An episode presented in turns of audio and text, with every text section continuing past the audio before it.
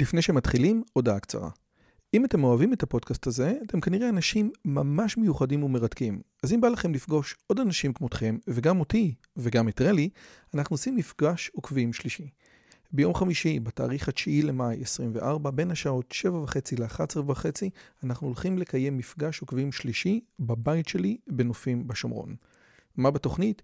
מינגלין וכיבוד עם עוד עוקבים מרתקים כמוכם, הרצאה שלי, דיון לגבי הערוץ, ציור בסטודיו ובסוף קומזיץ ופיתות על הסאג'.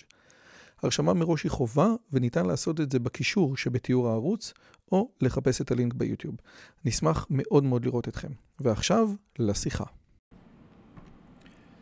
בסרטון הזה אני רוצה להראות איך המהפכה הפמיניסטית גם פוגעת בתלמידים וגם בידיים גורמת לזה שיהיו לנו מורים פחות טובים, פחות משכילים, פחות חכמים.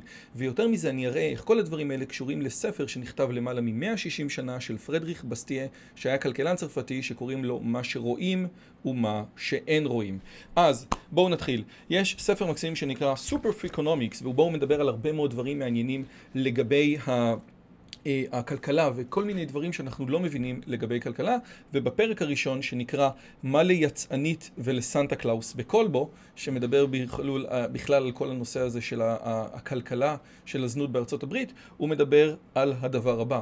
הוא אומר שהיום יש ביקוש הרבה יותר נמוך לזנות בעיקר בגלל שהאלטרנטיבות הפכו להיות הרבה יותר קלות מה שנקרא ניתן להשיג את הדברים האלה בטינדר ובחינם. ולכן אנחנו רואים שהרף או שהכסף שלוקחות יצניות הולך ויורד בצורה מאוד משמעותית מכיוון שיש אלטרנטיבות אחרות יותר.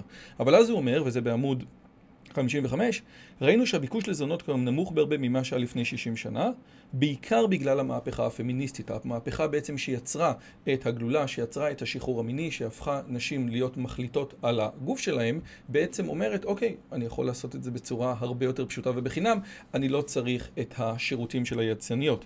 אבל אם אתם מופתעים, תנו דעתכם על קורבנות סבירים עוד פחות של המהפכה הפמיניסטית, התלמידים. ופה הוא אומר משהו מדהים, שמקצוע ההוראה תמיד היה מקצוע נשי, ולפני משהו כמו דור או שני דורות, באמת אישה חכמה, מבריקה עם המון אינטליגנציה והמון מוטיבציה, רוב הסיכויים שלה היה להיות מורה. עדיין בהרבה מאוד חברות מסורתיות זה מה שקורה. ואז לכן היית, היית מקבל מורות הר... כאילו היית מקבל גם מורות מאוד חכמות, מאוד טובות, כי שוב, יש נשים חכמות, יש גברים חכמים, יש נשים טיפשות, יש גברים טיפשים, כן? אבל הוא אומר, שימו לב, רק שתבינו עד כמה, אוקיי? הוראה הייתה המקצוע המועדף על בוגרות אוניברסיטה, ובהפרש ניכר מהבאים אחריו. אם כבר הלכת לאוניברסיטה ואת אישה, מה... ואת אישה חכמה, היית בוחרת את מקצוע ההוראה. ב-1940 הועסקו 55 אחוזים מכל בוגרות האוניברסיטה בתחילת שלושת השלושים שלהם כמורות, אוקיי? אז שוב, היו לנו מורות ממש ממש טובות, היו לנו מורות ממש חכמות, אבל המהפכה הפמיניסטית, שוויון ההזדמנויות, הביא את זה שנשים מאוד חכמות ומאוד מבריקות, יש להן היום הרבה מאוד אלטרנטיבות אחרות. האם זה טוב? ברור שזה טוב. האם זה נהדר? זה נפלא. אבל יש את ה... הצד השני. והצד השני שמכיוון שהנשים החכמות האלה הופכות להיות מורות או, או, או לא רוצות להיות מורות אלא הולכות להייטק, הולכות לאקדמיה, הולכות להרבה מקומות אחרים שהם יכולים להרוויח בהם הרבה כסף, זה קורה, מה שקורה זה שמי שנשאר בפול של ההוראה הוא פחות מוכשר. המקצועות התובעניים והתחרותיים האלה הציעו שכר גבוה לנשים ומשכו את הנשים המוכשרות ביותר. יש המון נשים שהיום נמצאות בתעשיות ההייטק ועריכת הדין ובאקדמיה שלפני דור או שתי דורות היו הולכות להיות מורות, אוקיי? ומה זה אומר? מה, ממה אנחנו, מה קורה עכשיו? ויש פה איזה מאמר. Do alternative opportunities matter? The role of female labor market in the decline of teacher quality. וזה מה שאנחנו רואים, כן. מכיוון שכך כוח ההוראה החל לסבול מבריחת מוחות. ב-1960 ציונים של 40% מהמורות במבחני ה-IQ היו בשני העשירונים העליונים ורק 8% בתחתית. כעבור 20 שנה רק פחות ממחצית ציוני המורות היו בשני העשירונים העליונים ויותר מכפליים בתחתית. או כמו שאומרים במאמר, איכות המורים יורדת בהתמדה כבר כמה עשרות שנים, אבל אף אחד לא רוצה לדבר על זה. והדבר הזה הוא ממש ממש ממש מעניין, כי הנה פה אנחנו רואים את מה שרואים מצד אחד ומה שלא רואים מהצד השני. רואים את המהפכה הפמיניסטית וזה דבר מדהים, אבל לכל מהפכה פמיניסטית יש גם איזה שהם אדוות, או לכל דבר שקורה, יש גם את הצד שלא רואים. וזה מה שפרדריק בסטיה מדבר עליו בספר שלו בכלכלה. והוא אומר, אני חושב, משהו מדהים, אוקיי? אומר, שימי לב, במה שנוגע לכלכלה, הרי שפעולה, הרגל, מוסד או חוק אינם יוצרים אפקט אחד בלבד, אלא שרשרת של אפקטים שרק הראשון בהם הוא מיידי. הוא בא בצמוד לגורם לו, רואים אותו, אוקיי? אתה פותח את שוק העבודה לנשים, נשים מוכשרות יכולות בעצם לבוא ולהיכנס ובעצם להתחרות בתוך השוק הזה, וזה נפלא. שאר האפקטים אינם באים אלא כחוליות נוספות בשרשרת, אין רואים אותם, לכל היותר ניתן לצפות את הגעתם. והרי לכם כל ההבדל בין כלכלן טוב לכלכלן גרוע. הכלכלן הגרוע מתרכז באפקט הנראה בלבד, ואילו השני מודע לאפקט הנראה, אך גם לאלה שיש לצפות אותם.